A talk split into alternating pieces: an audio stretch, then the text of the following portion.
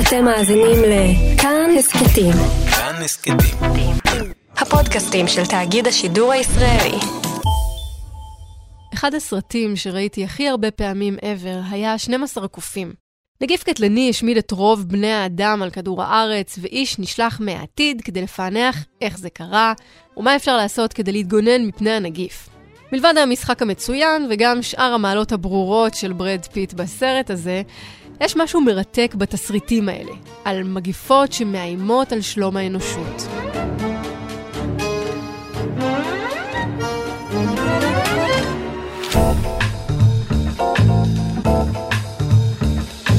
תיק רפואי. מגישה דקלה אהרון שפרן.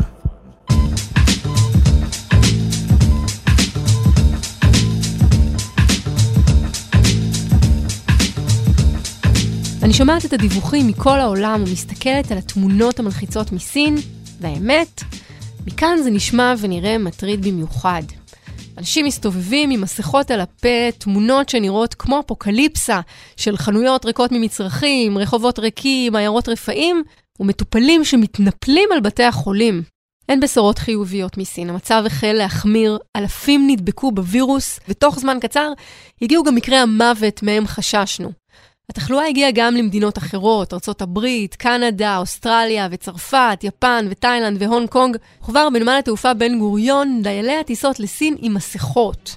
הנוסעים שחוזרים משם עוברים בדיקות רפואיות, ובשלב הזה, כשזה מגיע אלינו, אנחנו יודעים שההיסטריה העולמית עושה קולות של עלייה.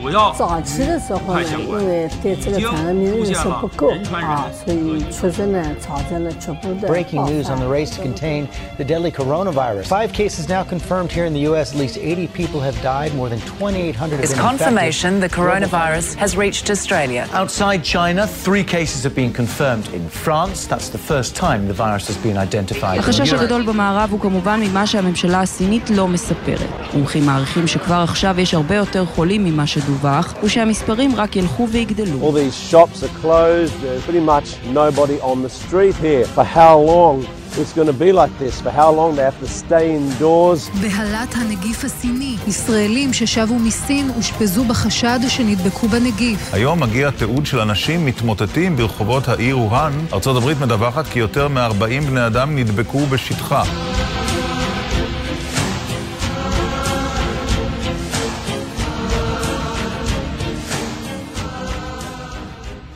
זה מרגיש כאילו בליל של אינפורמציה מבולגנת ומבהילה מועברת אלינו בחדשות, לכן באתי לעשות לכם סדר בפרק הזה. נבדוק מה אתם צריכים לדעת על הקורונה, מאיפה התחיל כל הבלגן, והאם יש לנו סיבה להצטרף לסללום של הלחץ העולמי. אז דבר ראשון, כדאי שנתחיל במה אנחנו בכלל יודעים על קורונה. אז קודם כל מדובר uh, בווירוס ממשפחת הקורונה. זה פרופסור נדב דוידוביץ', ראש בית הספר לבריאות הציבור באוניברסיטת בן גוריון. קורונה באיטלקית או בלטינית זה כתר. זה כי... כמו קראון בעצם, נכון? זה כזה... קראון, נכון. קורונה כמו הבירה, כמו קורונה. הבירה. הווירוס הזה במיקרוסקופ אלקטרוני נראה דומה לכתר, ואכן הוא בן דוד של הסארס, מי שזוכר גם היה את המידל איסט.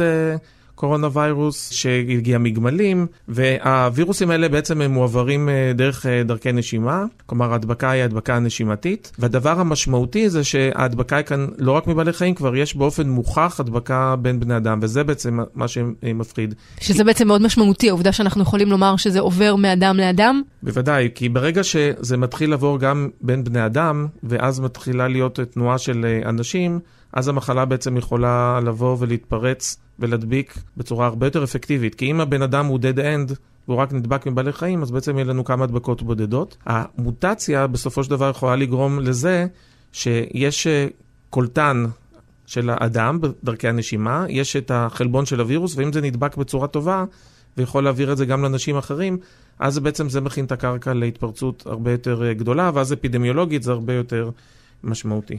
קורונה הוא וירוס חדש שעלול לגרום למחלות בדרכי הנשימה. ברגע שאדם נדבק, הוא יכול לדגור בגוף שלו בין יומיים לשבוע. כשהוא מתפרץ, הוא יכול להוביל למחלת ריאות קשה ופגיעה בכבד. אין דרך לייפות את המצב הזה. הוא יכול להרוג. דבר שני, מאיפה הווירוס הזה הגיע אלינו? כשכל הבלגן התחיל, ראיתי באתר של רויטרס שמקור ההדבקה הוא בשוק חיות בעיר ווהאן שבסין. הדבקות במחלות מחיות זה עניין שקורה. שפעת החזירים מחזירים, במגפת האבולה דובר על קופים. ככה מתחילות מגפות בימינו? כאילו, אם אני רוצה לכתוב קובץ, מגפות במאה ה-21, קווים לדמותן, בתחתית הפירמידה מחכה לי שרקן. לאורך כל ההיסטוריה האנושית, היה לנו בעצם מצבים גם של אה, וירוסים, גם של חיידקים, שהם בעצם התחילו מבעלי חיים, מבחינה אבולוציונית הלכו והתפתחו. שפעת היא מחלה של עופות. ראית פעם אה, עוף אה, מתעטש? זה, הוא גם כן יש לו נזלת. לא יצא לי עדיין. כן, זה מחזה מאוד נחמד. מה שמעניין מאוד כאן, שכבר יש מאמר.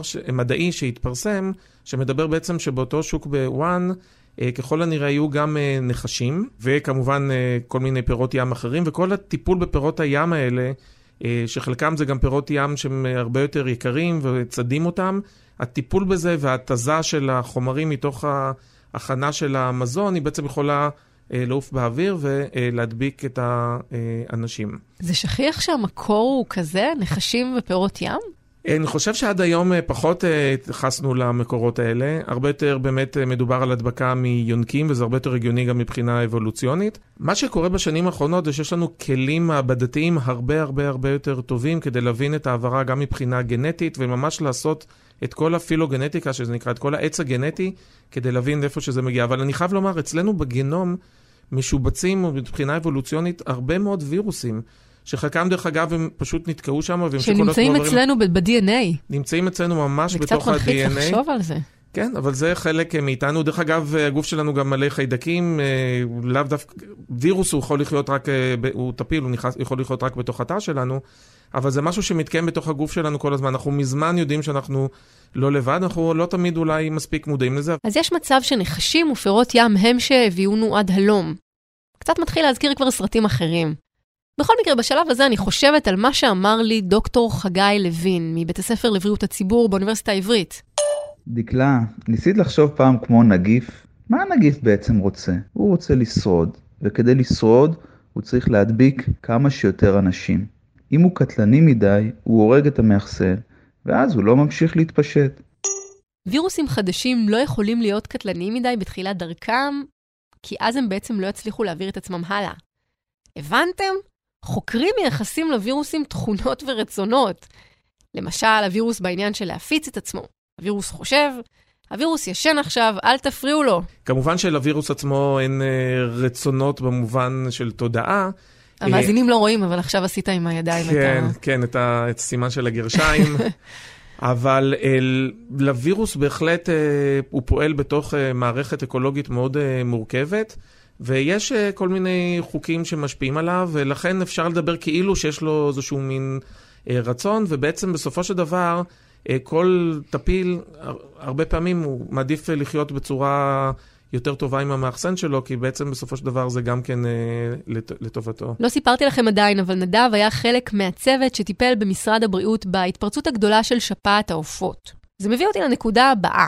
יש לנו דרך ללמוד לקחים מהתפרצות להתפרצות? אפשר בכלל לגזור מהסארס מסקנות לווירוס הנוכחי? אחד הלקחים של הסארס, שלא היה תיאום אה, מספיק בין המדינות, לא מספיק היו תשתיות אה, טובות כדי לעשות את החקירות האפידמיולוגיות, השילוב בין אה, קלינאים, אפידמיולוגים, אנשי מעבדה. שיתוף הפעולה הזה בעצם אמור לתת לנו בחקירת ההתפרצות, תוך כדי שהיא קורית, כמו שעכשיו בעצם אנחנו נמצאים, להבין מה תקופת הדגירה. האם הווירוס הזה הוא יותר קטלני או פחות קטלני.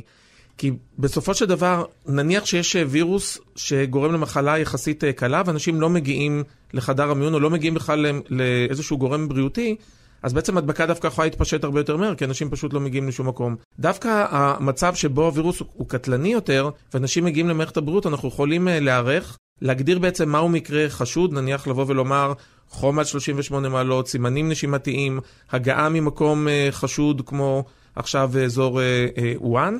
ואז לעשות את החקירה האפידמיולוגית ולשים כמעט אונליין את המידע הזה שמגיע, שוב, ממקורות שונים של מעבדה, של אפידמיולוגיה, של אה, קליניקה, לשים את זה ביחד ולקבל החלטות, וזה בעצם מה שעושה עכשיו ארגון הבריאות העולמי, והוא יכול לעשות את זה בעיקר בגלל התשתית של אותן תקנות בריאות בינלאומיות, ה-International Health Regulation, כשעבדתי במחוז מרכז של משרד הבריאות, בעצם אנחנו עסקנו ממש ביישום של תקנות הבריאות הבינלאומיות, זה היה מרתק, כי זה פותח גם המון המון דלתות, וזה אפשר בזמנו, וזה מאוד מעניין, דווקא שיתופי פעולה למשל עם הרשות הפלסטינית, שיתופי פעולה עם רשות שדות התעופה.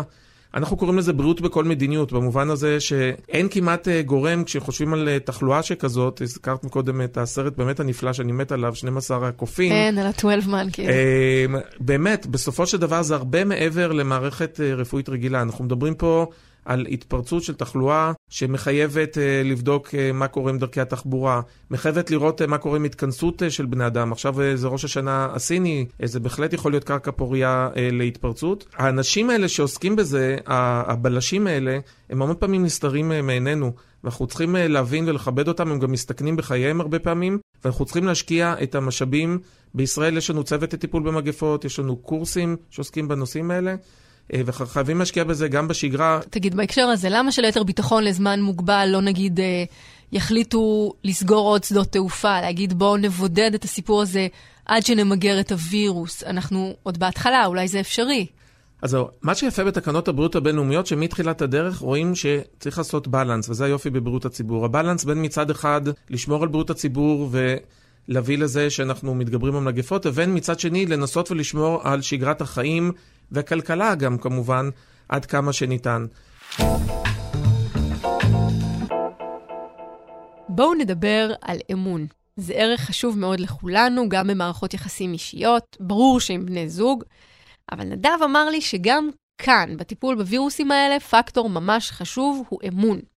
חכו, זה תכף נהיה ברור ולא מוזר לגמרי. בריאות הציבור באופן כללי ואם תחשבי על אירועים שונים שהיה לנו, החל מפרשת הרמדיה, אפילו הצלילות בקישון, כל הנושא של הגז, מערכות של בריאות הציבור חייבות להיות מבוססות uh, על אמון, וברגע שאתה מגיע למצב של חוסר אמון עוד יותר גרוע, אי אמון, אנחנו במצב מאוד גרוע, ואי אמון איך הוא יכול לבוא? זה יכול לבוא ממקום שיש בלגן, יש תחושה של פאניקה, שמקורות שונים מעבירים מידע שהוא, אה, שהוא סותר.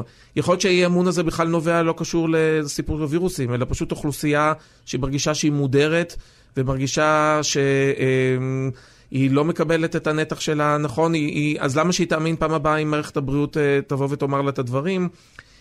ובמצבים גם שיש כל מיני אינטרסים חבויים שלא מוצאים אותם החוצה לשולחן, יכול להיווצר חוסר אמון, ואז כשיש חוסר אמון, אנשים בעצם לפעמים אפילו עושים הפוך ממה שאומרים עליהם. אם אני חוזרת לנקודה שממנה התחלתי, ולניסיון שלי להבין למה בעצם כשאני רואה את הרופאים הסינים האלה בסרטון שהם הוציאו לכבוד השנה החדשה שבו הם ניסו להרגיע, אתה יודע, היה, ראינו על המסכים כזה חבורה של שמונה אנשים, עם חליפות לבנות ומסכות, זה היה הרבה יותר מלחיץ מאשר מרגיע, אני חייבת להגיד. למה אני כל כך נלחצת מזה? אז זה נורא מעניין, ודווקא הייתי הולך פה לתרבות אה, פופולרית. אם אנחנו נסתכל מה היה מלחיץ פעם מאוד אה, בשנות ה-50 uh, וה-60, זה היה הנושא של הפצצת אטום, ה-A-bomb. ואם את תלכי לסרטים, כן, הזכרנו 12 הקופים, אז לא היה סרטים על 12 הקופים, היה סרטים תמיד על, ה, על הפצצה, ואפילו פרודיות על זה, אם את זוכרת את דוקטור סטרנג' לאב. לגמרי. ולאחר מכן זה באמת עבר לכיוון הביולוגי, הרבה גם בגלל אה, כל הנושא של המחקר הגנטי, uh, באמת הווירוסים שהתחילו לגלות אותם uh, יותר, ו... חלק מהעניין גם היה שהוא מקום שטוב, שרצו בעצם להלחיץ את המערכת כדי לקבל עוד תקציבים. השאלה זה תמיד uh, הבלנס. אני מסכים שיש לנו כרגע עולם uh, דימויים של הביגוד הזה והמס, והמסכות uh, המיוחדות, אז הנה את רואה סרט התפרצות או 12 הקופים כנראה מאוד מאוד הצליחו. אני חושב שצריך לקחת את הדברים באמת בפרופורציות, בהחלט צריך להיות מאוד מאוד דרוכים, אבל תמיד כנראה שבסופו של דבר הדבר החדש וה... סקסי, ככה הוא יותר מלחיץ אותנו. אני אומר שוב, הלוואי שבתחומים אחרים היינו שמים את המשאבים ואת החקיקה ואת כוח האדם כמו בתחומים של אותן מחלות מגיחות, וגם שם יש עוד הרבה, עוד הרבה מה לעשות.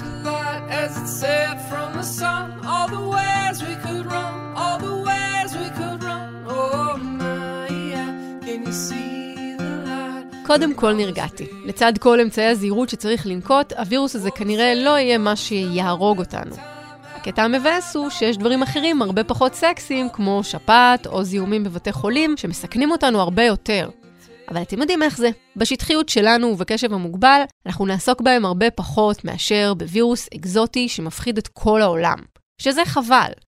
אבל בעניין הזה, בשורה התחתונה, אפשר להירגע. תחזיות אפוקליפטיות, כנראה נמשיך לראות רק בסרטים.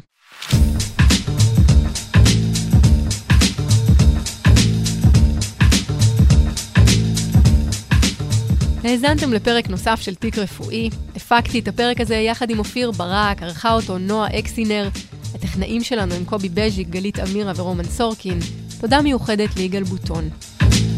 תודה רבה לכם שהייתם איתנו. אתם מוזמנים לשלוח תגובות בפייסבוק של כאן חדשות, או בחשבון שלי, דקלה אהרון שפרן, בפייסבוק או בטוויטר. אפשר גם להגיע אליי במייל דקלה, d-i-k-l-a-a, את כאן.org.il. תוכלו למצוא פרקים נוספים של הפודקאסט באפליקציית הפודקאסטים האהובה עליכם, באתר שלנו וגם בספוטיפיי. למשל, ממש לאחרונה דיברנו על השפעת, והאם באמת כדאי לחסן את הילדים. ממליצה לכם להקשיב. עד הפעם הבאה תשמרו על עצמכם ורק בריאות. אני דקלה אהרון שפרן. להתראות בינתיים.